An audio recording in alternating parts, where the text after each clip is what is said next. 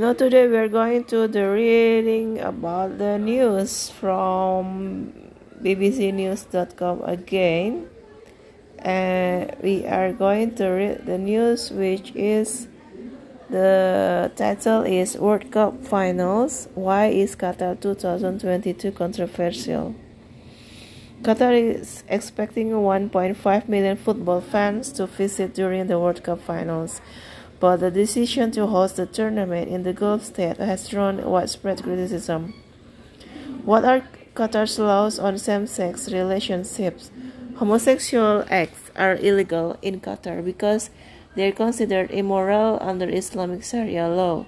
Punishments include fines, prison sentences of up to seven years, and even death by stoning. Qatar's World Cup organizers say Everyone is welcome and claim no one will be discriminated against. However, Qatar 2022 Chief Executive Nasser Al Khater says laws on homosexuality will not change and visitors should respect our culture. A recent Human Rights Watch report says Qatari security forces continue to arrest citizens who are gay, lesbian, and transgender, sometimes forcing them to undergo conversion therapy. Qatar says the report contains false allegations.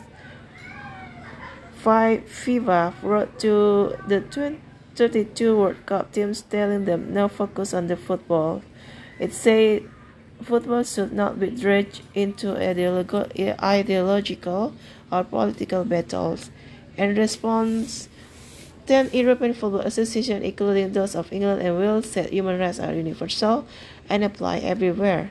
England captain Harry Kane and the captains of the other nine teams involved will wear one love arm armbands to show support for LGBTQ plus people.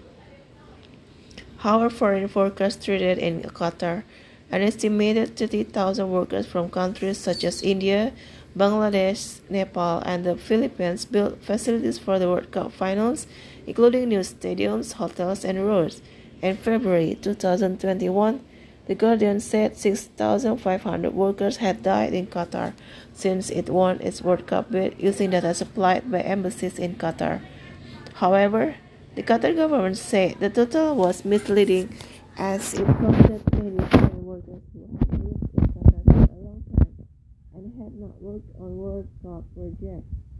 Qatar's official records show that between 2014 and 2020, there were 37 deaths among veterans at World Cup Stadium construction sites, only three of which were work-related.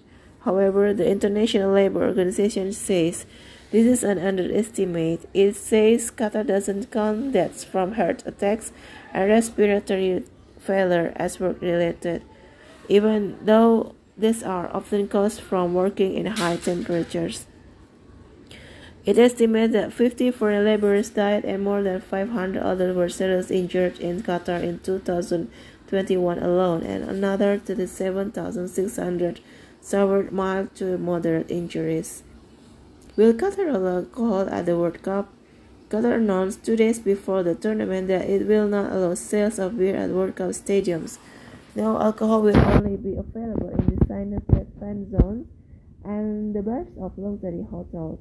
It will cost between 10 pounds and 12 pounds a can or pint.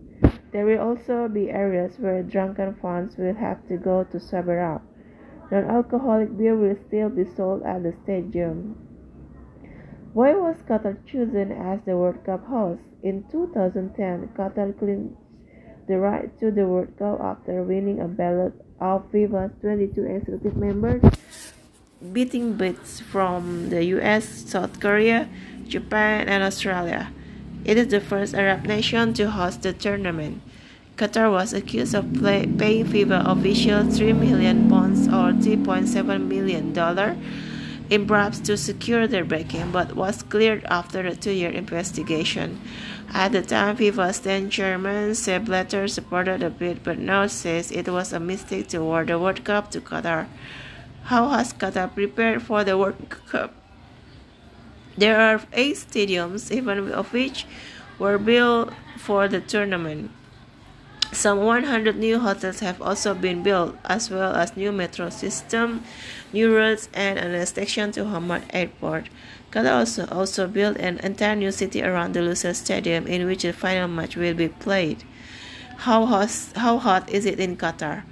During the month of November and December, the temperature in Qatar is usually around 25 degrees Celsius. Had the World Cup finals been held in June and July, as they usually are, matches would have been played in temperatures exceeding 4, the 4 degrees Celsius and possibly reaching 550,000 50 degrees Celsius. Qatar initially proposed hosting the finals during the summer in air-conditioned enclosed stadiums, but the plan was rejected. Thank you for listening. Uh, we're going to read the news tomorrow. Thank you for listening. Bye bye.